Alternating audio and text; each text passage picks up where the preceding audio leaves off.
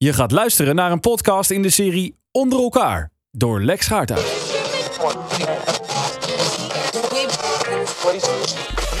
Ze zwaaien de scepter bij de grote radiozenders. Moeten dagelijks dealen met de ego's van DJ's, maar kunnen hun carrière ook maken of breken.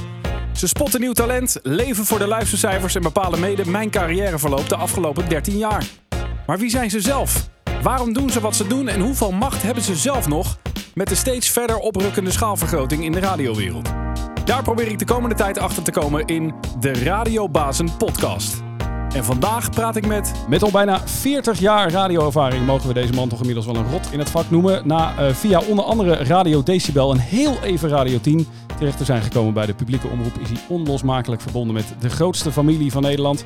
De Tros op NPO Radio 2 presenteert hij voor die omroep al decennia lang verschillende programma's. Maar belangrijker nog voor deze podcastserie zwaait hij de scepter op de radioafdeling van deze omroep die inmiddels natuurlijk is omgedoopt tot Avro Tros. Ook is hij de man die mede de Nederlandse inzendingen voor het Songfestival bestiert en dus verantwoordelijk voor de glorieuze overwinning van onze Duncan Lawrence dit jaar. En alsof dat nog niet genoeg chefpetten zijn, is hij ook al flink wat jaar voorzitter van de supportersvereniging van voetbalclub Ajax. Maar vandaag toch vooral radiobaas Daniel Dekker. Dankjewel dat je mag spreken hier, uh, Daniel. Mooie introductie. Uh, waarom wil een mens, vraag ik aan alle radiobazen die ik spreek, uh, baas worden bij de radio? Um, ja, dat moet je eigenlijk aan al die mensen vragen. Ik kan alleen voor mezelf spreken natuurlijk. ja, dat is nooit echt een wens voor mij geweest hoor. Ik heb wel toen ik al bij Decibel Radio zat en het dus als hobby deed, vond ik het ook leuk om uh, dingen eromheen te regelen. Dus ik hou wel van organiseren. Dat heb ik eigenlijk mijn hele leven wel gedaan. Ik had ook op Koningsdag, toen ik een jaar of zeven was, organiseerde ik een wielrenwedstrijd.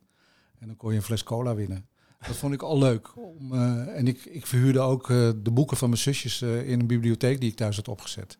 Dus ik vond het gewoon leuk om uh, iets te organiseren en mee bezig te zijn en dan een soort systeempje te hebben, weet je wel? Dat is het meer dan dat je... Een soort afwijking is dat ook De wel. leiding wil hebben of zo. Dat was nou, vroeger ja, niet al bij, bij gymles dat jij dan... Uh... Nee, nee, nee, nee. Dat heb, ik, dat heb ik helemaal niet. Ik heb niet zoiets van dat ik ergens de baas over wil spelen, maar ik vind het wel leuk om dingen te regelen. En, um, en wat dat betreft zou ik misschien wel een hele goede producer ook kunnen zijn. Um, maar dat sprak mij uh, wel aan. En daar kwam daarnaast ook nog wel een gedachte dat toen ik ooit van Decibel Radio mijn werk ervan ging maken, dat het ook wel een soort schrikbeeld was toen der tijd. Later ben ik daar natuurlijk wel anders over gaan denken, ben ik ook wel op teruggekomen. Wij waren natuurlijk toen in die tijd een beetje de vrije jongens die ja. de radio gingen veranderen.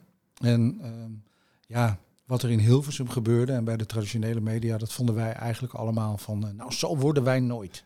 Weet je wel, het is allemaal uh, en die doen het alleen maar voor de centjes en Um, om hele andere dingen. Wij deden het echt voor de love of music. We waren heel druk bezig om de dance en de, en de new wave in die tijd.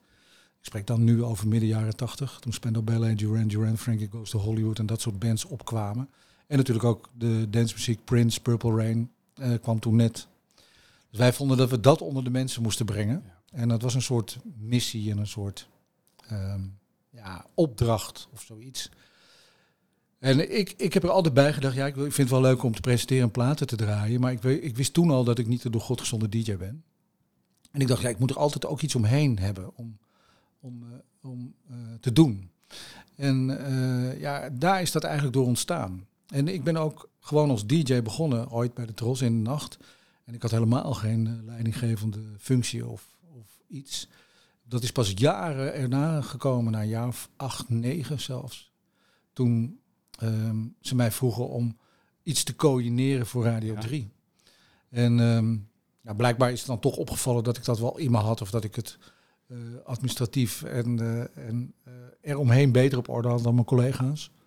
Ehm, misschien was dat het wel. En toen ze dat ze hebben gedacht van, nou weet je, dat moet misschien die jongen erbij laten doen. En zo is dat steeds weer verder gegaan. Het klinkt bijna alsof je het werk als DJ alleen te eenzijdig zou vinden. Of dat vond ik ook wel, ja. ja. En ik had ook wel een soort voornemen van, nou, en op mijn veertigste dan ga ik geen plaatjes meer draaien. Dan vind ik dat sneu. Of zo. Weet je wel? Ja. Heel gek. Dat was echt zo'n gedachte toen. En dat kwam omdat we heel erg op, op, op uh, jongeren uh, gericht waren met Decibel Radio. En ook heel erg in het uitgaanscircuit zat en uh, zaten. En heel veel dingen deden. Als het niet voor niemand was, dan bleven we eraf, zeg maar. Hè? Dus we hadden heel erg die, eh, die drang en die drive. En dat veranderde toen eh, Jeroen van Inkel en Adam Curry als eerste overstapten naar de tra- traditionele media en hun geld gingen verdienen bij Veronica. Toen zagen bijvoorbeeld Rob van Zomer en ik en nog een aantal anderen van hé, hey, maar wacht even, je kan er ook echt je werk van maken. Ik werkte toen bij een bank. En ik had het eh, gewoon verder heel goed. Ik was net gaan samenwonen. Ik had gewoon een goed modaal salaris. En ik had best wel een leuke baan, leuke collega's. En in het weekend ging ik dan eh, bij Decibel. Ja, want ik las ergens dat jou, eh, jouw vader er erg van schrok toen jij de, ba- de, de, de baan bij de bank wilde opgeven. En wat veel ouders denk ik tegen disjockeys hebben gezegd, ook mijn ouders. Toen ik dat wilde, toen ik aan het studeren was en zo. Dat ze zeiden, nou, het is een onzekere wereld. Ja. Kijk nou uit. Maar dat heb jij toch doorgezet. Nou ja, dat kan ik me ook heel goed voorstellen dat mensen dat denken. Want het is hetzelfde als dat eh, jouw dochter of zoon nu gaat zeggen, nou ik ga zingen, weet je wel. Dan heb je ook zoiets, nou, maak maar eerst even je school af. Ja. Ook al is je stem nog zo goed. En eh, ja, dat was wel een zorg, ja. Omdat, ja, je bent net uit huis, weet je. Je bent net bezig om eigenlijk een soort toekomst op te bouwen. Zo zien je ouders dat. En toen ehm, ehm, ging ik eh, een sollicitatiebandje opnemen bij, bij de Tros toen.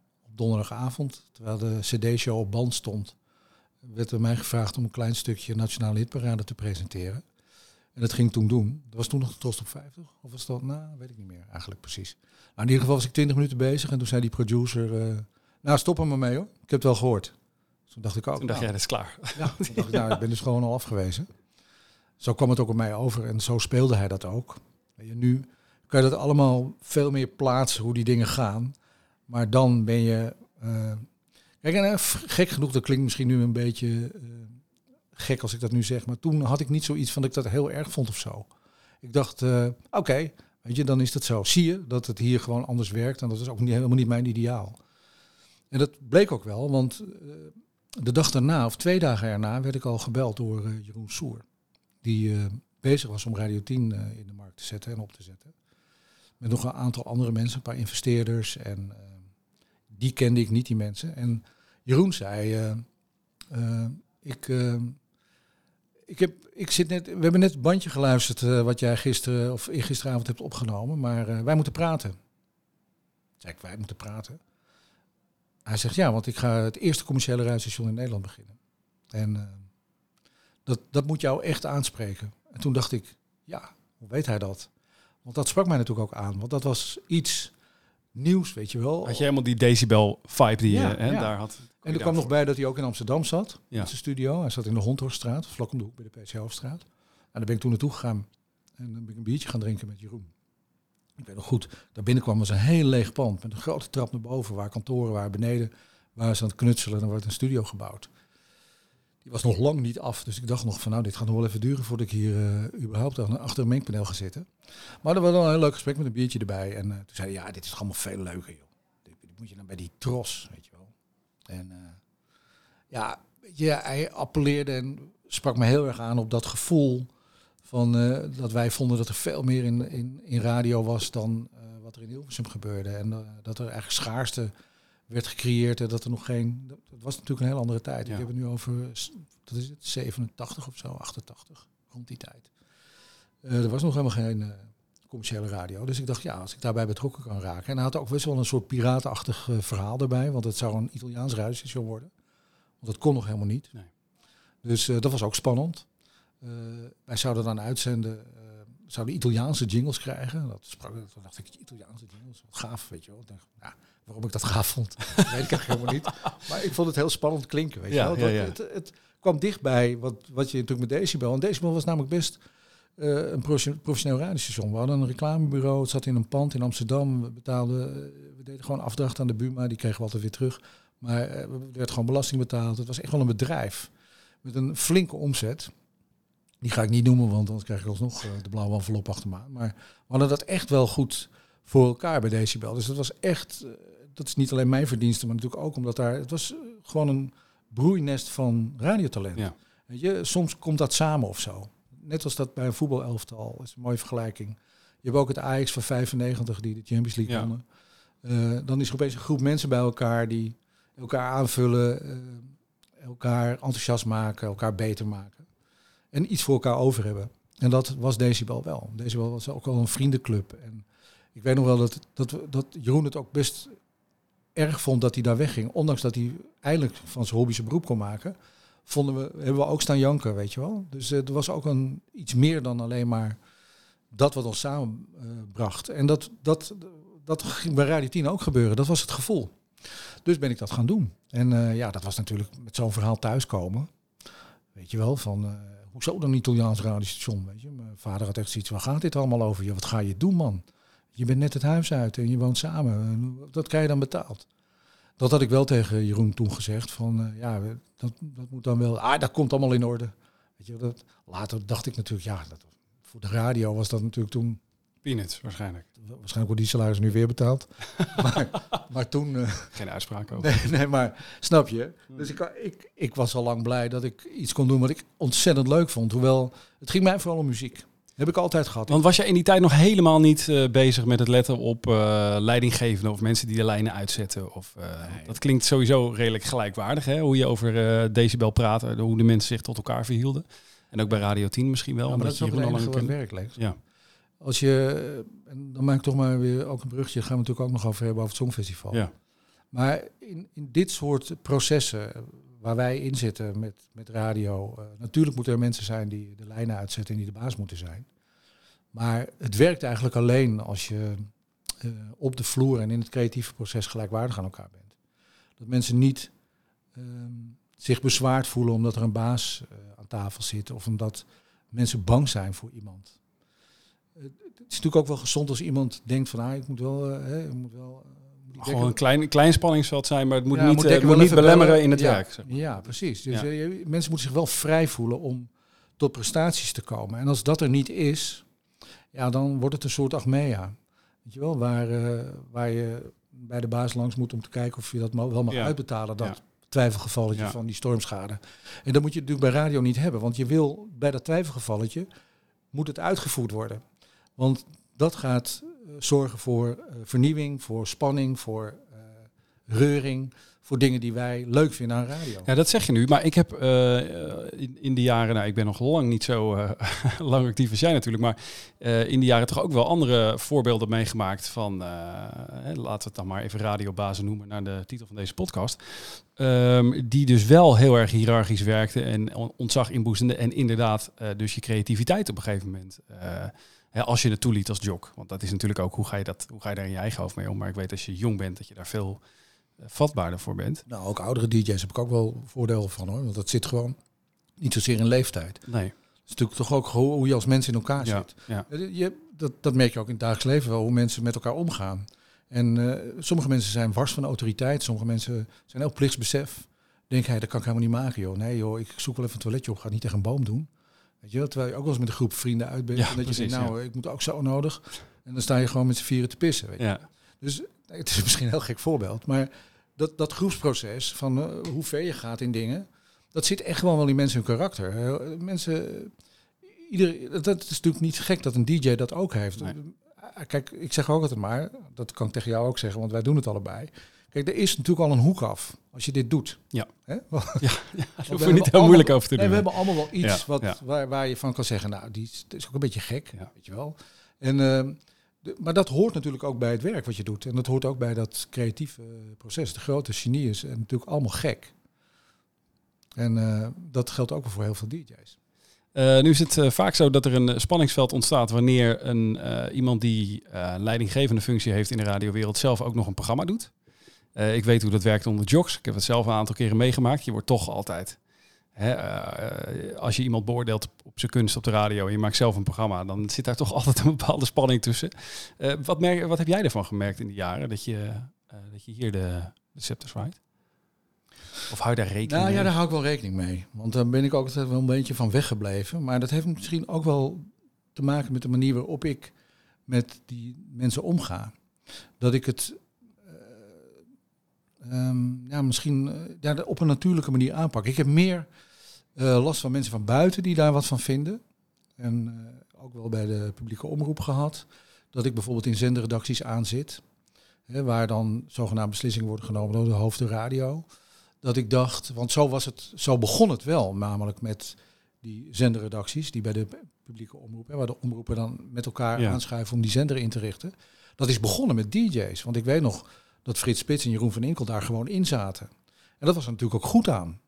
Ja, Hè? Want je moet natuurlijk de mensen aan tafel hebben die het werk doen, maar die het ook snappen. Ja. En eh, daar moet je gewoon je beste mensen. En nu noem ik met opzet twee namen waar volgens mij heel weinig discussie over is, wat die hebben bijgedragen aan de Nederlandse radio. En eh, daar ga ik mezelf in het rijtje niet noemen, voor de duidelijkheid. Maar het gaat er natuurlijk om dat, dat het juist heel erg een pre kan zijn als je met iemand praat die weet waar hij het over heeft. En misschien gaat het daar ook wel op andere niveaus wel mis. Omdat je iets opgelegd krijgt of eh, commentaar op iets krijgt.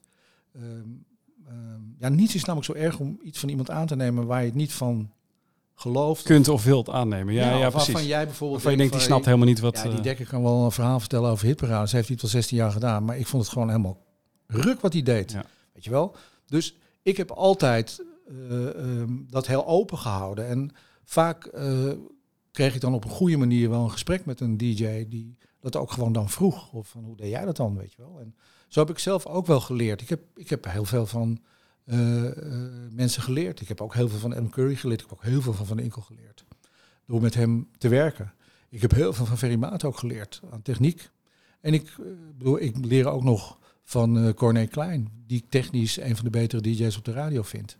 Ehm, dat is niet helemaal mijn stil, want ik ben helemaal niet van de knopjes en de techniek. Ik vind wel, ik vind het wel mooi, maar eh, wat ik wilde zeggen is ook dat voor mij ging het ook vooral om de muziek. Weet je wel? Ik wilde iets met muziek. En eh, ja, uiteindelijk eh, ben ik ook mijn stem daarbij kunnen gaan gebruiken. En Ja. ben ik best wel ver gekomen, om het zo maar te ja, zeggen. Ja. Want ja, als je lang op de radio bent, dan is er wel iets wat, wat er klopt. Maar ehm, ik heb wel altijd die communicatie heel erg open gehouden. Of er kwamen coaches bij, of ik liet het door andere mensen doen, of ik kwam met voorbeelden. Of we deden het in een groep met elkaar, eh, eh, fragmenten laten horen en dan met elkaar. En dan bleef ik een beetje buiten discussie, liet het gaan. Net op het goede moment eh, geef je dan, zeg je iets waar iedereen even van schrikt of van wakker wordt en denkt van, hé, hey, oh ja, dat is ook misschien wel waar. Want kijk, ehm, het is natuurlijk een prachtig medium. Ehm, maar ehm, het, het is ook in de basis iets wat alles is al een keer gedaan. Ja. En ehm, ehm, heel veel dingen die, eh, die, die zich nu gaan veranderen de komende jaren op de radio, dat, dat, die gaan zich weer zetten voor de toekomst. Maar wat er nu op de radio gebeurt, dat is natuurlijk al, al een hele lange tijd zo, toch? ja, absoluut. Ja. Ja, Ja. de- de- en, en dus, dus al die wetten die er gelden, van wat je wel en niet moet doen op de radio, die zijn ook eh, ehm, eh, voor, voor 90% hetzelfde. Eh, dus die, die radiowetten gelden altijd. Net zoals je richting moet aangeven als je links of rechts afslaat in een auto. Dat gaat ook niet veranderen. Dus het is altijd als je nieuwe muziek draait, om maar een voorbeeld te noemen, beter om de plaat af te kondigen dan aan te kondigen. Hè, omdat luisteraars het liedje horen en denken, hé, hey, wat is dit? En dan heb je het al gezegd. En dan, ja, dat ontgaat de meeste mensen. Die willen natuurlijk aan het eind horen. Want waarom vond ik het zo goed? Wie is dat dan? Nou, om maar iets te noemen, het is altijd goed om even te vertellen wat je gaat doen. Je gaat teasen, dat je, dat je, hè, dat je entertaint, dat je de sfeer goed houdt. Nou ja, al die eh basisrules, hè, die regels, die gelden natuurlijk altijd. Ja. Dus iedereen die hier nieuw komt, bij Afrotros of bij 3FM of bij Radio 2 of zelfs op Radio 5, eh, die, dat basispakket moet je gewoon in je rugzak hebben. Als je dat snapt namelijk, dan ben je nog lang geen goede DJ. Maar dan kan je wel al, eh, ehm, nou dan kan je op weg, weet je wel. Dan kan je gaan eh, wandelen en dan kan je uren maken. Je noemde je al die zenders, hè? want eh, jouw mensen die verspreiden zich over die zenders. Ehm, is het voor jou altijd een voorwaarde geweest om zelf actief op zender te blijven om dit werk te kunnen doen? Goed te kunnen doen in jouw eigen visie? Of? Nee, maar dat is ook wel een beetje overkomen. Kijk. Ja, kijk, natuurlijk, er is ook wel iets voor te zeggen om te zeggen van nou, dan moet je ook met je programma stoppen. Want ik begrijp dat je daar... Nou, dat niet per se, maar wel dat je, hè, je praat heel erg als, als, als jock, eh, ook over je eh, leidinggevende functie. En dat is natuurlijk een enorm voordeel, denk ik, ook voor mensen die met je werken. Ik Nou, dat deel van het leiding. ja, ja, er zit ja. natuurlijk ook nog er zit natuurlijk een andere kant ja, aan. er zitten ook mensen die over hun vakantie, over kilometervergoeding, over hun contract. Ja, precies. Of eh, over de budgetten die we voor programma's doen. Ja, Maar dat hou ik ook voor een groot gedeelte weg bij de jocks. Kijk, dus een, ik, dan zal ik het toch in het kort zeggen. Ehm, ik, ik maak gewoon teams. En die zijn gewoon van helemaal verantwoordelijk voor hun eigen shit. Dus ik ben geen eindredacteur of iemand die uh, langs Rob Jansen loopt, om een voorbeeld te noemen van een recent 3FM-programma wat we in de markt hebben gezet. Of Annemieke Schollaert of uh, Paul Rammering die een late night show voor ons gaat maken. Ik heb een gesprek, ik hoor een beetje, ik ken Paul Rammering, hè, om bij dat voorbeeld te blijven. En ik weet wat voor radiomaker het is, anders komt hij hier niet werken. Nee. Toch? Uh, dat zou ook voor jou kunnen gelden. Mm. Dan heb ik al wel wat research. Idee, ja. dan heb ik toch een idee. Ja. En dan wil ik dat jij hier komt werken, want anders ga ik jou niet vragen daarvoor. Dus ik heb dan ook al een idee van wat jij wel en niet kan. En dan vind ik het mooi als wij gewoon een gesprek hebben over wat je gaat maken. En dan ga ik gewoon naar luisteren. En dan laat ik jou gewoon. Uh, uh, die, dat voordeel hebben we misschien met de publieke omroep wel ten opzichte van commerciële. Wij hebben natuurlijk wat meer kans om dingen te proberen en even te laten. En uh, het team is gewoon verantwoordelijk. Ik zeg altijd, ik wil als ik de radio aanzet gewoon een heel goed programma horen. En hoe jullie dat voor elkaar knallen en, en doen. Dat, zal je worst wezen. Dat zal mij worst wezen, want ik weet hoe dat werkt. En of je dat thuis doet, hier doet, s'nachts doet, s'morgens doet, zoek het lekker uit. En ik zeg ook tegen een producer, uh, die zegt dan, ja, kunnen we een paar uh, goodies bestellen? Ik zeg, nou, het budget is 5000 euro. Het is net als thuis. Is het op, is het op. Ja. Weet je wel? Dus ga je goddelijke gang. Zouden mensen jou ook zo omschrijven, denk je? Mensen die uh, onder jou werken als uh, iemand die, uh, die veel vrijheid biedt en geeft? Nou ja, ik denk het wel, want ze weten wel... kijk, het gaat ook wel eens mis, hè. Want er is natuurlijk ook een categorie mensen die daar misbruik van maakt. Of die dat niet aan kan. Is dat ook waar je jou kwaad mee kan krijgen? Of, Nou ja, het, is ook wel leren. Kijk, het is natuurlijk niet geen geheim dat ik... Kijk, ik werk natuurlijk wel heel veel met ervaren DJ's dat is ook wel een reden waarom Corne Klein hier nog steeds werkt of dat ik kan Rabbering hier naartoe haal. Omdat ik weet dat dat mensen zijn die uh, meters hebben gemaakt. Ja. En van waarde zijn voor dat programma, voor die zender.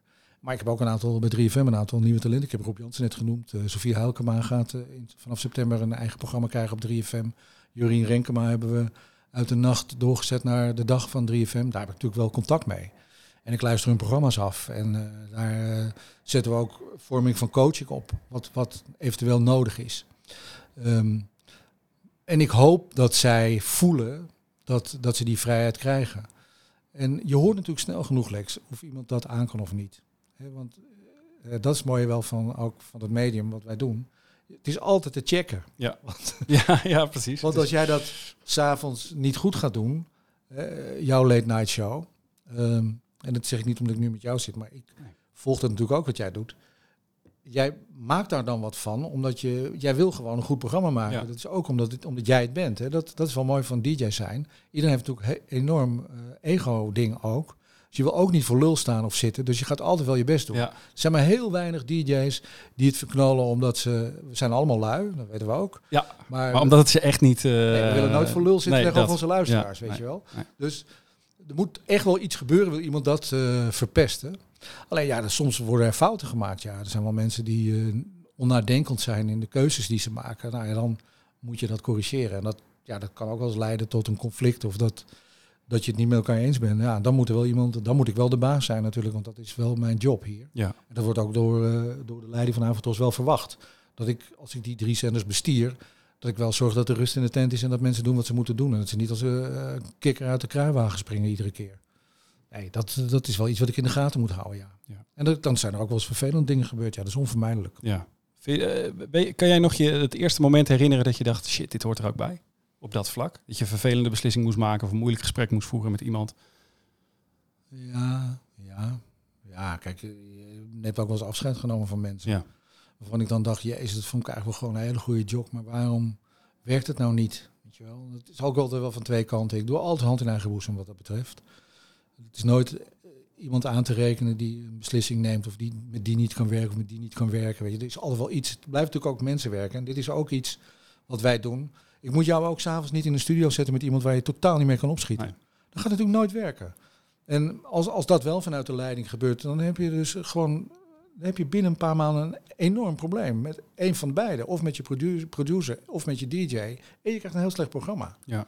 Dus dat is heel leerzaam. Maar ging dat jou makkelijk af in eerste instantie, dat soort moeilijke dingen? Of heb je daar echt, nou, uh, dat echt moeten leren? Nou, ik, wat ik vooral moeite mee heb is ehm, ehm, dat ik het heel zorgvuldig wil doen. Dat ik niet iemand uh, bij de Lidl of de Albert Heijn wil tegenkomen in een gangpad en ik denk, oh ja, kut. dat had ook Ja. anders gekund. Je wil, je wil mensen recht in de ogen aan kunnen Ja, dan had jij nog een baan gehad. Dus ik ga altijd wel heel zorgvul- zorgvuldig te werk. Maar ik was me vooral bewust toen ik met Gouden Uren stopte. Wat ik natuurlijk heel lang gedaan heb iedere dag. En ik, dan was ik helemaal in controle. Dan kon ik gewoon om half negen het studio binnenkomen. En dan om twaalf uur een broodje gaan eten. En dan deed ik al mijn dingen zelf. En nu brak er opeens een tijd dan dat ik om half tien een vergadering had. Over hele ingewikkelde financiële kwesties. Met mensen. En dat ik echt dacht, jeetje, dit vind ik helemaal niet leuk.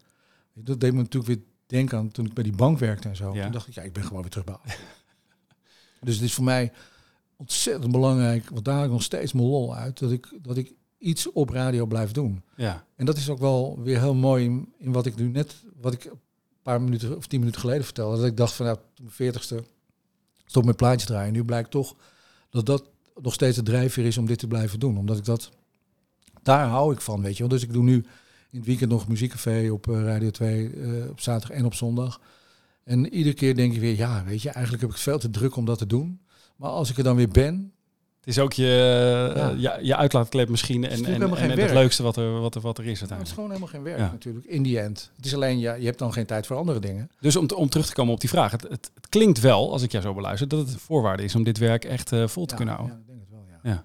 Nou, vooral nu bij de publieke omroep. Dat is ook geen geheim, want iedereen leest kranten en iedereen Ja. hoort en, en, en ziet natuurlijk wat er gaande is.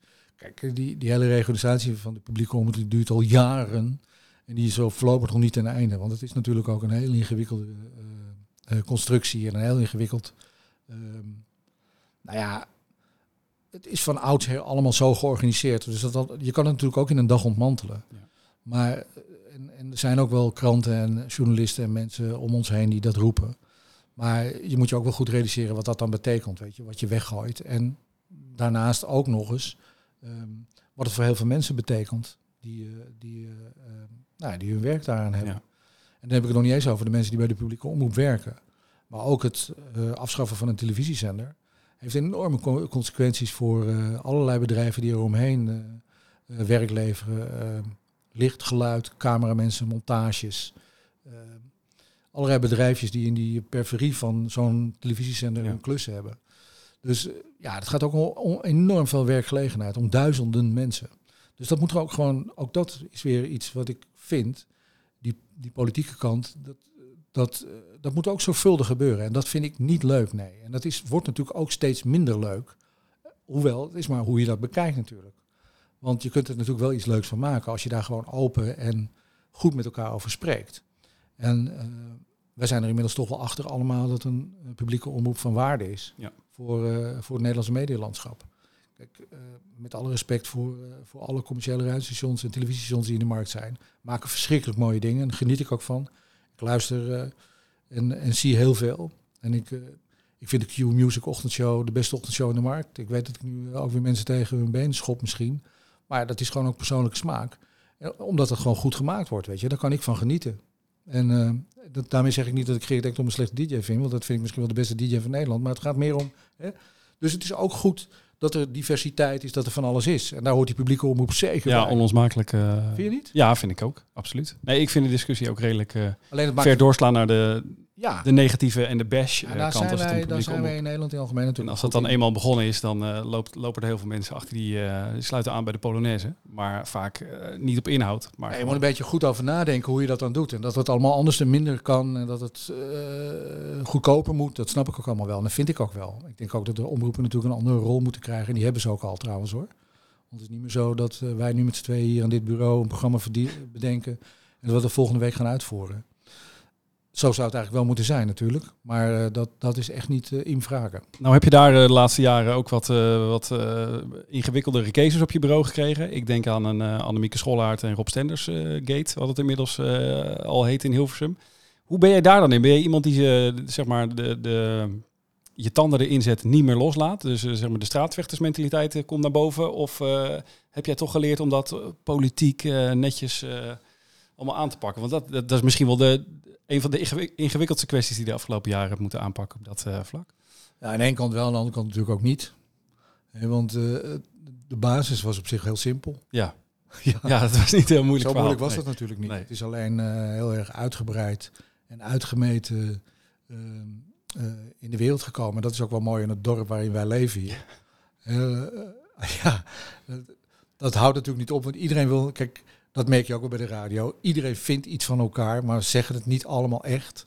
En eh, we, houden elkaar ook altijd wel heel. Dus als er een keer wat gebeurt of is een relletje, ja, dan wil iedereen ook wel weten hoe het zit. Weet je wel. En eh, hoe kan dat nou? En eh, ja, hij is beter en zij is slechter of zij is beter. Weet je wel. Iedereen maakt er dan een soort battle van. Maar het is ontegenzeggelijk waar natuurlijk dat dat een van de moeilijkste kwesties was. En ehm, ja, het was ook heel vervelend. En dat heeft, natuurlijk heeft dat een hele politieke kant. En die, zo moet ik hem ook spelen. Want Ja. anders dan, het heeft namelijk weinig zin om als een straatvechter over naar binnen te stormen. En je gal te spuwen en je gelijk te halen. Want in dit soort kwesties gaat het vaak niet om gelijk. Eh, dat zei mijn vader vroeger altijd al, weet je wel. En dat is ook wel beroemd, die kent iedereen wel, dat je gelijk hebben en krijgen zijn natuurlijk twee Ja. hele verschillende dingen. En, en er zit ook een hele emotie achter. En ook een kwalificatie over wie beter is dan de ander. Dus dat maakt het ontzettend moeilijk, weet je wel. Eh, eh, en ja, eh, eh, waar, het, waar het fout gaat, is dat er afspraken worden gemaakt die niet worden nagekomen. Dat is de basis. Als jij namelijk gewoon met elkaar een goede afspraak maakt en nakomt, dan gaat het altijd goed. En eh, dat is in dit geval niet gebeurd. Er zijn afspraken gemaakt die door een aantal mensen niet zijn nagekomen. Ja, en dan, ja, dan wordt het een puinhoop. En helaas is dat het ook geworden. En ja, het viel ook nog samen met een andere puinhoop die er op Radio 1 speelde bij Afrotros met de nieuwsshow. Met een, met een ruzie met presentatoren die eh, met Harry de deur uit gingen. En ik, ik heb niks met Radio 1 te maken, maar dat kwam hier in dit bedrijf natuurlijk best wel hard aan. Dus dan hadden we er nog één, weet je wel. Dus dat heeft ook niet meegeholpen. Want eh, op dat moment ontstaat er ook iets wat, wat je allemaal niet wil, weet je wel. Dat je elkaar eh, de tent uitvecht. En ja, dat is slecht voor de publieke omroep, slecht voor de, voor de DJ's waar het om gaat. Maar ook eigenlijk heel slecht voor de radio. Want de luisteraar die snapt daar natuurlijk helemaal niks van. En ik heb met Annemieke Schollaert, die, eh, die heb ik zelf naar, eh, eh, naar de radio gehaald vanaf de Nederlandse Antillen. En dat is gewoon iemand die ik heel graag mag en die ik ook, wat ik een goede radiopresentator vind, met, met zeker diepgang en intelligentie. Maar dat vind ik van Rob Stenders ook. Als ik een top 3 moet maken van DJ's, dan staat hij er in ieder geval bij. Ja. Dus weet je, dat is ook moeilijk, omdat je elkaar allemaal kent. En omdat je elkaar eh, ook daarin wel weer heel wilt laten. Maar ehm, ja, ik heb tegen Annemieke ook wel een paar keer gezegd. eh, kijk, als ik, als ik je nu zou bellen voor wat je nu doet, dan was je daar ook blij mee geweest. Het is meer wat ik zeg, weet je wel, dat, dat er iets anders wordt beloofd. ja, precies. Dat die afspraken eh, Ja. zijn gemaakt en, En dat, dat dat, dan, en dat dan nog niet komt. Dat, Dat, is doet het pijn, pijnlijke weet punt. je wel. Dat, is, dat doet de pijn. Als, Ja. als jou nu de late night show aanbieden, maar ze zeggen eigenlijk dat je de ochtend gaat doen. Ja, en dan is die late night show natuurlijk een troostprijs. Altijd. Want dan ben jij helemaal daar al mee bezig. Je vormgeving staat al klaar. Nou, ja, precies. ik weet zeker, Lex. Daar ga jij niet van opknappen. Als dan de baas belt van het wordt hem toch niet. Wat mij opviel, en je noemt net Annemieke, eh, maar ik denk ook bijvoorbeeld aan Bart Arends, is dat jij wel iemand bent die, eh, tenminste zo kijk ik van eh, naar de buitenkant, heel trouw is aan zijn mensen. Eh, lang, met, eh, lang met mensen werkt en, en eh, als dat ook eh, eenmaal goed loopt, voor ze door het vuur gaat. Is, dat een juiste observatie? Of? Nou ja, ik, Bart, toevallig heb ik met Bart gisteren lekker zitten lunchen, want zijn overeenkomst moet weer worden verlengd. Toen hadden we het erover dat we twaalf jaar geleden zijn begonnen. En dat gaat natuurlijk ook allemaal snel. En dat vliegt allemaal voorbij. Maar dat heeft ook, denk ik wel, met medium een beetje te maken. Hè. Het is anders dan met televisie, waar presentatoren elkaar snel afwisselen. Ja, maar toch ook in de radiowereld is vluchtiger eh, daarin geworden, denk ik. Of heeft dat meer te maken met verschil publieke omroep eh, commercieel? Wat ik nu eh, Ja, misschien wel. dat Ja. ik er daar op die manier tegenaan kijk. Ja, ik denk het wel. Ik Denk het wel. Ik Denk het wel, ja. En om, ja, misschien wel. En omdat er gelukkig ook een nieuwe een soort doorstroming komt van nieuw talent. Ja. Weet je, dat is ook maar net de lichting die, die beschikbaar moet zijn. En het heeft natuurlijk ook alles te maken met hoe 3FM er eh, uiteindelijk voor is komen te staan. Waarbij je wel aan knoppen moet gaan draaien om, om dat weer te keren. Dus dan moet je ook nieuwe mensen inveden. Maar ja, Bart Arends eh, doet natuurlijk al lang radio, maar hij doet eh, aan de slag het programma op Radio 2 dagelijks. Dat doet hij natuurlijk niet al tien jaar, weet je wel. Daar is hij nu net vijf, zes jaar mee bezig. Ehm, toch? Zeg ik dat goed? Ja, volgens Ja, mij wel. Zoiets, hè? Dus dat vind ik, ehm, ja, nou ja, voor radio is dat niet heel erg lang of zo. Eh, ja, het klinkt heel lang. Maar als iemand dat goed doet en eh, ik, kijk, dat is ook wel, dat vind ik altijd wel mooi aan radio. Eh, ik vind het fijn om dingen te horen die mij vertrouwd zijn. Ik ben daar heel erg. Ik vond, vind het echt een ramp dat Edwin Evers niet meer in de ochtend te horen is. Omdat dat bij mij hoorde. Ja, jocks zijn toch vaak meubelstukken in je hoofd, zeg Ja, maar, toch? die vooral niet verplaatst moeten. Ja, dus ja, en jij moet ook voorlopig even in de avond blijven zitten. Hoewel ik ook wel heel vaak, vaak naar Romering luister. Maar het zijn wel dingen die je. Nee, maar snap je? Het zijn Ja, gewoon dingen ja, die. Ja. En daar, daar ben ik wel van. Ja, en als iemand gewoon presteert en eh, iemand past en eh, eh, scoort ook. Want dat is bij Avotos echt nog wel. Dat, zo ben ik wel opgevoed. Ja. Eh, het moet ook wel hout snijden. Er moet wel iets gebeuren natuurlijk. Het is niet zo van blijf jij maar lekker zitten. Want als je bij. Daniel Dekker werkt, dan hoef je, kan je lekker Nee, naar pensioen toe. Zo werkt het ook niet. Eh, want we hebben ook wel eh, dingen omgezet. Er zijn natuurlijk ook wel dingen gewisseld. Maar ja, als het goed gaat, ja, dan kan iemand heel lang zitten. Ja, dat klopt. We hadden het net over dat hele eh, politieke deel van werken bij de publieke omroep. Heb je ooit gedacht, ja, ik ga lekker naar de commerciële. Ik ben er klaar mee hier met die hut. Nou, ik ben bij Radio 10 begonnen natuurlijk. Ja, daarom. Je pakt Daar heb ik een toptijd gehad. Ja. En dat vond ik ook ontzettend leuk. En ehm, ja, eh, dat, dat heb, heb ik natuurlijk nog steeds wel een beetje. Dat dat station eh, eh, toch een beetje in mijn hart zit. Op de een of andere manier. Ja, dat heb ik wel. En, maar ik heb, ik bedoel, gaandeweg dan eh, ja, praat je wel eens met mensen en dan komt er wel iets op je pad. Maar ehm, nou, het is nooit zo geweest. Kijk, de combinatie, wat ik nu doe met de manier waarop ik het doe, met drie radiozenders, eh, Radio 2, 3FM, waar enorm veel uitdagingen liggen, Radio 5, waar, nou, waar ook een hele uitdaging ligt om daar echt een goed radiostation van te maken, want dat is natuurlijk nog lang niet. Met respect zeg ik dat ook weer voor de mensen die er heel druk mee aan werken, maar iedereen die radio hoort weet natuurlijk dat het gewoon qua format en qua programmering natuurlijk niet klopt, want in het weekend is het gewoon een heel ander radiostation. Nou, dat lijkt mij niet goed. En eh, ik heb natuurlijk mijn sterrenplatform. dat is online en evenementen en televisie en radio. En mijn songfestival eh Dat dingetje. is de, die diversiteit kan je eigenlijk, Ja, dat kan je nergens anders vinden. Nee, bijna. Ja, dat is best wel lastig. Dus zou ik toch, daar moet ik dan afscheid van nemen. Niet dat ik dat niet zou willen direct of zo. Want, maar dan moet het wel, wel echt iets leuks zijn, weet je wel. Er moet wel echt iets zijn waarvan ik denk, oké, maar daar ligt wel weer een nieuwe uitdaging.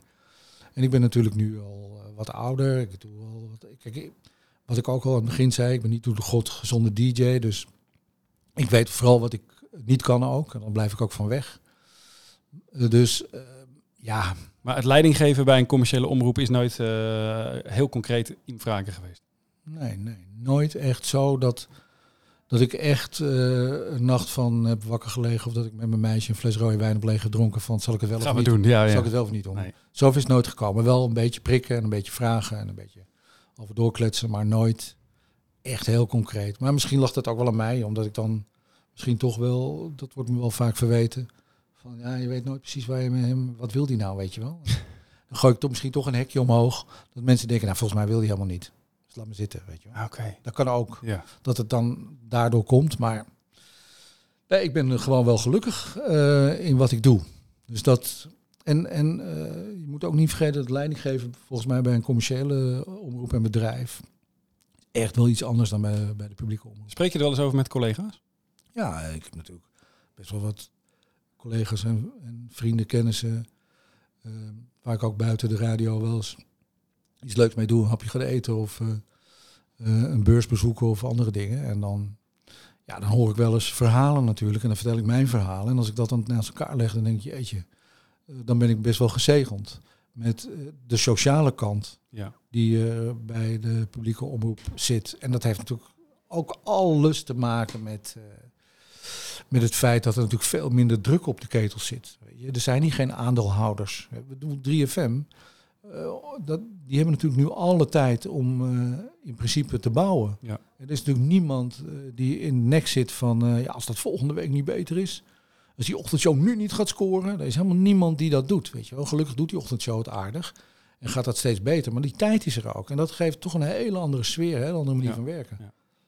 Eh, weet je, als wij met z'n een bedrijf hebben wat niet failliet kan, dat is wel lekker werk hoor. Anders werken, ja. En dat is wel wat de publieke omroep is. Ja, eh, dat is een heel duidelijk verschil. Dan, je hebt het al een paar keer genoemd, toch nog even aanhalen, het Songfestival. Eh, werk je ook al jaren aan eh, eh, om dat in de vaart der volkeren op te stuwen en om dat weer aanzien te laten krijgen in Nederland. Dat is Iedereen zegt Anouk was dat omslagpunt. Maar dat proces is denk ik veel, veel langer geweest dan toen Anouk zich. Hoe, hoe, manifesteer je daarin? Ik bedoel, wat, wat betekent het voor jou inmiddels, dat, dat Songfestival?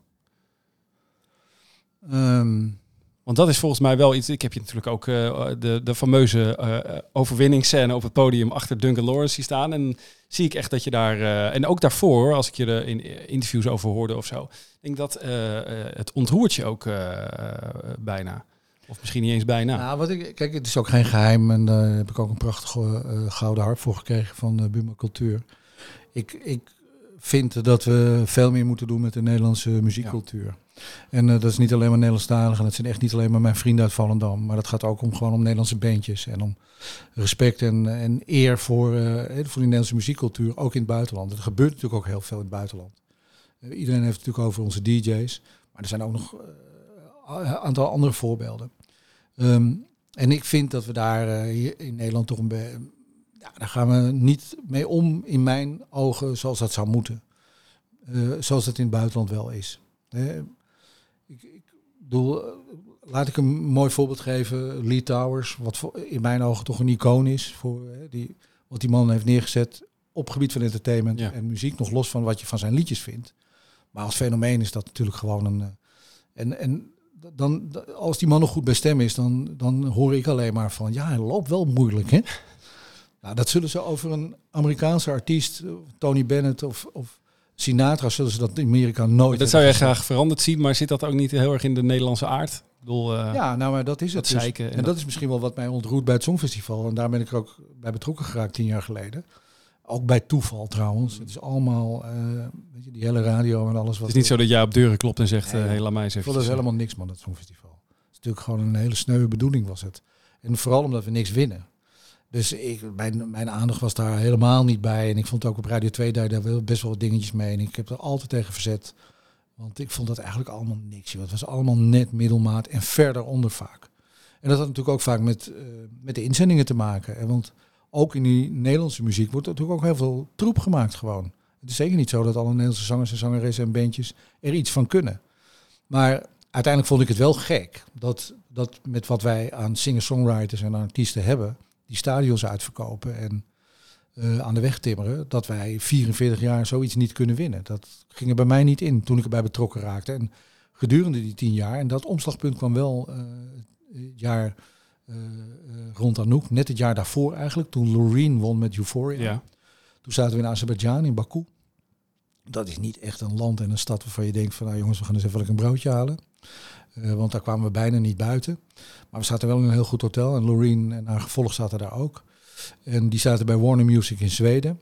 En uh, ik raakte aan de praat met die mensen. En ik hoorde hoe zij de zaak hadden georganiseerd. En ik zette dat af tegen de successen die die Zweden afgelopen jaar hadden gehad met het festival. Ik ben toen met mijn pas om uh, met uh, Fuck You All Areas erop kon, ik, kon ik al die repetities bijwonen. Ja. Dus zat ik achter de front of house een beetje te luisteren naar wat al die 42 landen die meededen te vertellen hadden tegen de regie en tegen de lichtmannen en tegen hoe ze dat aanpakten. Want het Songfestival is gewoon een erg, erg grote productie. Die ze weer gaan niet kent. Ik raad iedereen aan om in entertainment werken om daar toch eens een keer te gaan kijken. Het is echt groter dan de Super Bowl.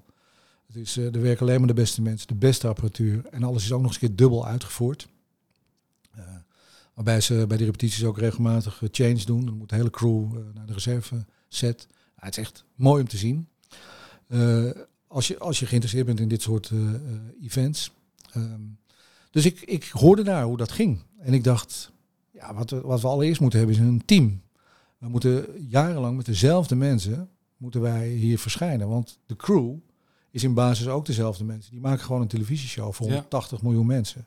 Dus als je die mensen vaker gaat zien, nou, dan weet je hoe dat werkt natuurlijk in de wereld. En dat hadden die Zweden heel goed voor elkaar. Die kwamen foto's van hun kinderen laten zien. Oh, hij fietst al. Nou, vorig jaar kon hij nog niet eens lopen, joh. Dat gaat hard. Vanavond hebben we een biertje doen in de bar. En ik dacht, ja, wij komen hier iedere week uh, of ieder jaar met andere mensen. Dan moeten we ons weer opnieuw voorstellen. Ja. We moeten zorgen dat we een team gaan vormen. Nou, en we werden natuurlijk heel erg geholpen door Anouk. Ik heb ontzettend veel respect voor Anouk en Niels de Lange, voor hun lef en visie op dit gebied. Zij hebben wel hun nek uitgestoken om uh, en mij ook het vertrouwen gegeven om eh, dat pad in te gaan. En het heeft ze natuurlijk, eh Ilse natuurlijk ook iets opgeleverd hè, met de Common Linnets. Het heeft hun ook verder gebracht. Maar dat is ook wel een van de redenen waarom we het nu gewonnen hebben. Omdat het... ehm, kijk, je moet natuurlijk een goede song hebben, maar je moet vooral goed georganiseerd zijn. Je moet zorgen dat je een goed team hebt eh, op het gebied van pers, eh, begeleiding van de artiest. eh, je, moet, je moet in zo'n groep balans hebben. Je gaat met 14, 16 mensen naar zo'n event toe. Eh, niet iedereen kent elkaar goed. Je gaat naar het buitenland, je laat je vrouw, je kinderen, je laat je familie achter. En opeens zit je daar twee weken met elkaar opgescheept en moet je een topprestatie eh, Ja. neerzetten.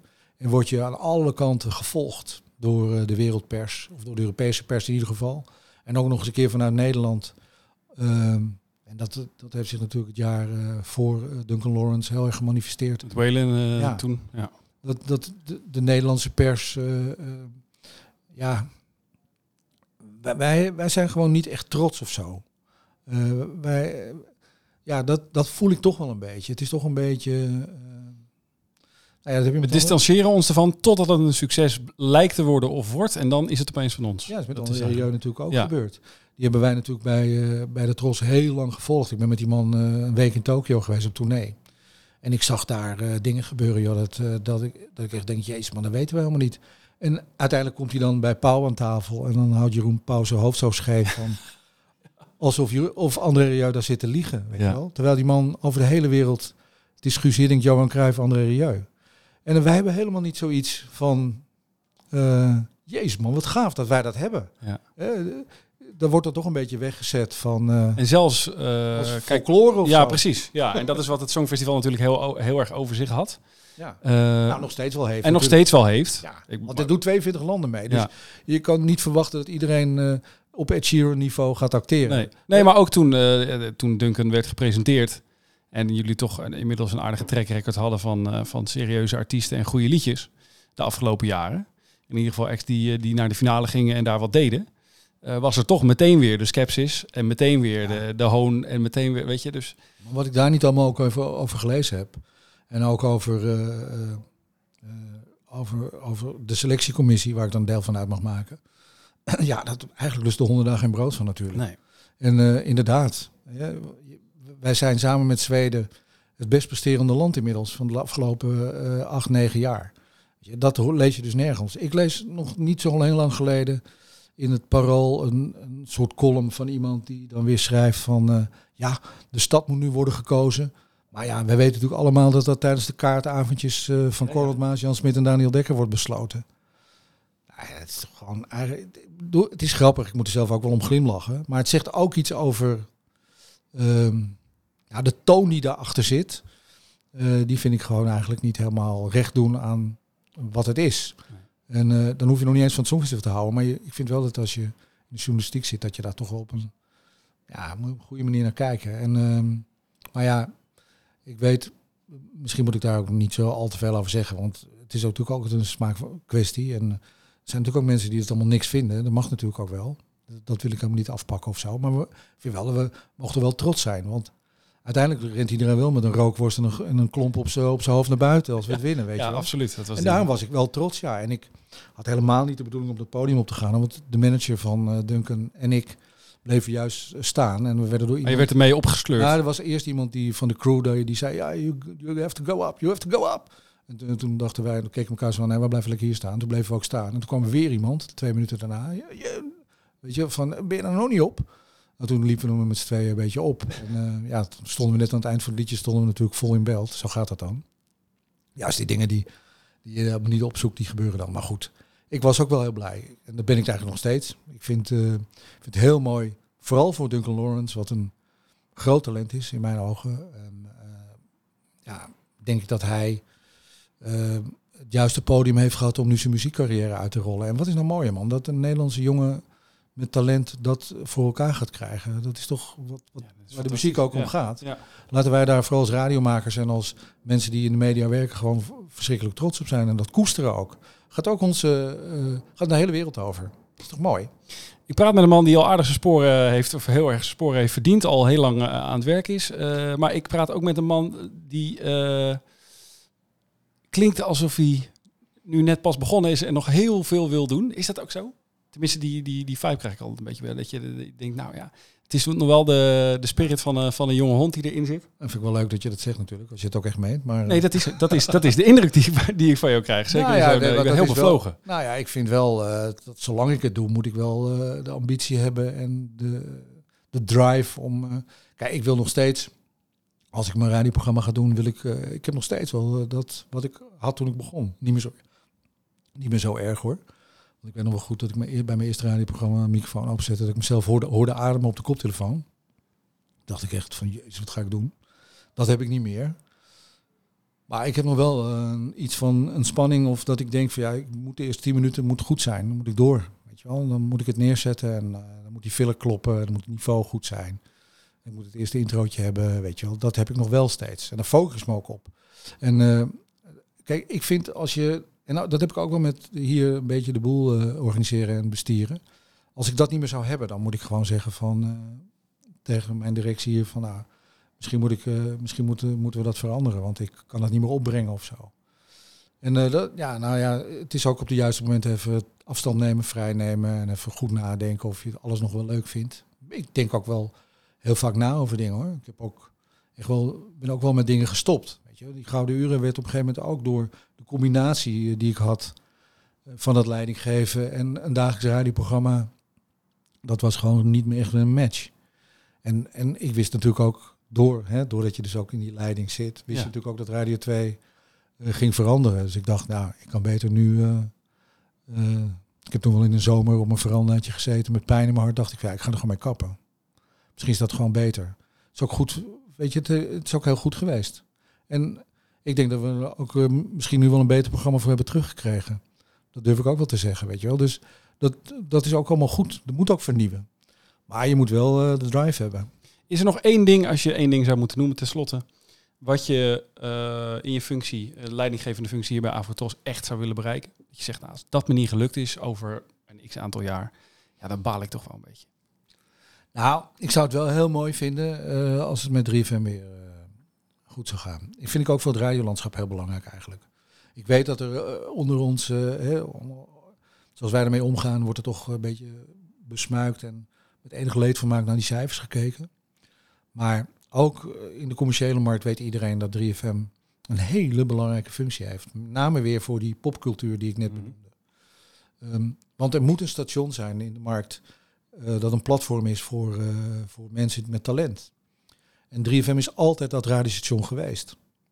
En dat die nu zo klein zijn geworden en dat eh, die bandjes hun heil moeten zoeken bij andere stations, wat echt een stuk moeilijker is.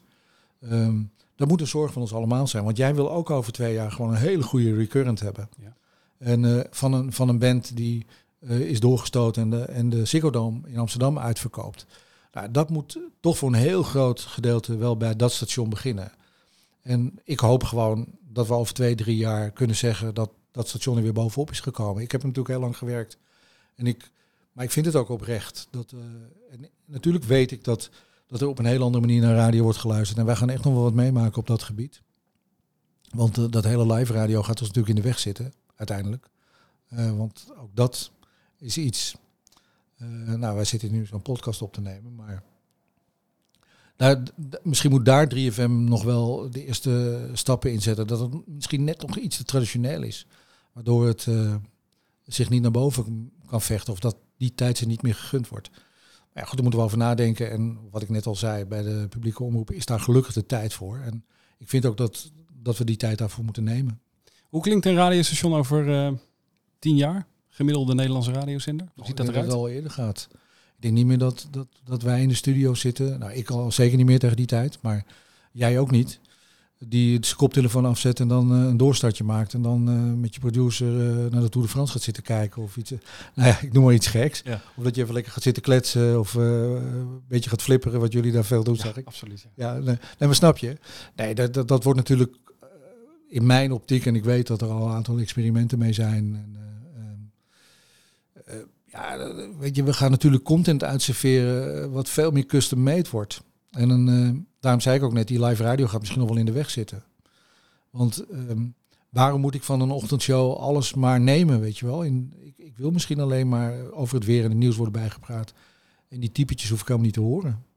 Kan ik dat ook uitzetten? Ik denk dat dat wel gaat gebeuren, dat je dat kan. En dat je ook kan aangeven eh, wat jouw, eh, eh, die algoritmes die ook al bij Spotify werken, dat je dat ook op radio kan toepassen. Als wij allebei van de muziek van Duncan Lawrence houden, van dat type muziek, en we willen daar mee naar ons werk rijden, dan kunnen we dat gewoon aanzetten. En dan krijgen we dat ook. Wat Spotify nu al doet, zou de radiowereld misschien... Ja, want ik denk dat er wel altijd behoefte blijft aan duiding.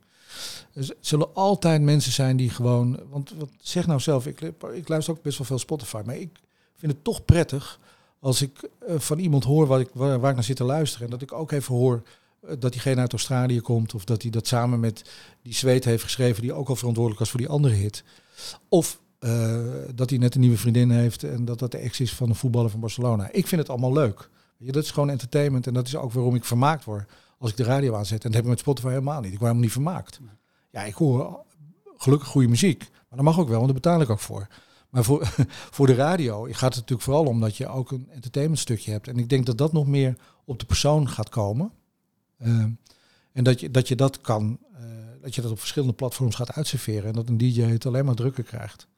Eh, en dat ook allemaal inzicht moet hebben. Dus er moeten nog meer multitalenten komen die veel dingen kunnen. Is het ook zo dat nu, eh, als je sollicitaties bekijkt, je ook kijkt naar het multitalent en niet alleen maar weer naar, is het een goede jock of is het een goede radiomaker? Kijk je daar voorbij al? Of Ja, Of niet? Zitten we op een omslagpunt? Ja, of ik, we- we- ja, je praat met iemand. Je hebt Ja. gewoon een leuk gesprek of Ja. niet. Hè.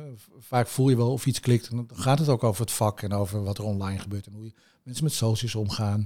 Ehm, ik heb het vooral met producers. eh, omdat ik vind dat er in de radio eh, op zich best wel een gebrek is aan echt goede producers. Eh, en, want er is natuurlijk ook een generatie geweest, het is nu weer gelukkig iets aan het afvlakken, die gewoon de studio binnenkwamen en die eh, microfoon 2 gewoon eh, op, eh, op praathoogte zetten. Ja. En er gewoon vanuit gingen van, eh, ik ga ook meepraten, ik produceer dit. Terwijl ik denk dat dat per definitie niet van eh, een programma veel beter maakt. Het zijn, dat zijn echte uitzonderingen eigenlijk, als je het goed beschouwt.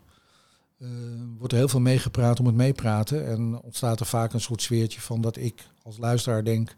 Ja, eh, jullie hebben met- met z'n tweeën over iets heel leuks, maar Geen idee. geen idee. En eh, eh, ja, het maakt niet per definitie je programma beter. En dat, dat heeft wel heel erg eh, een effect ook op het vak produceren.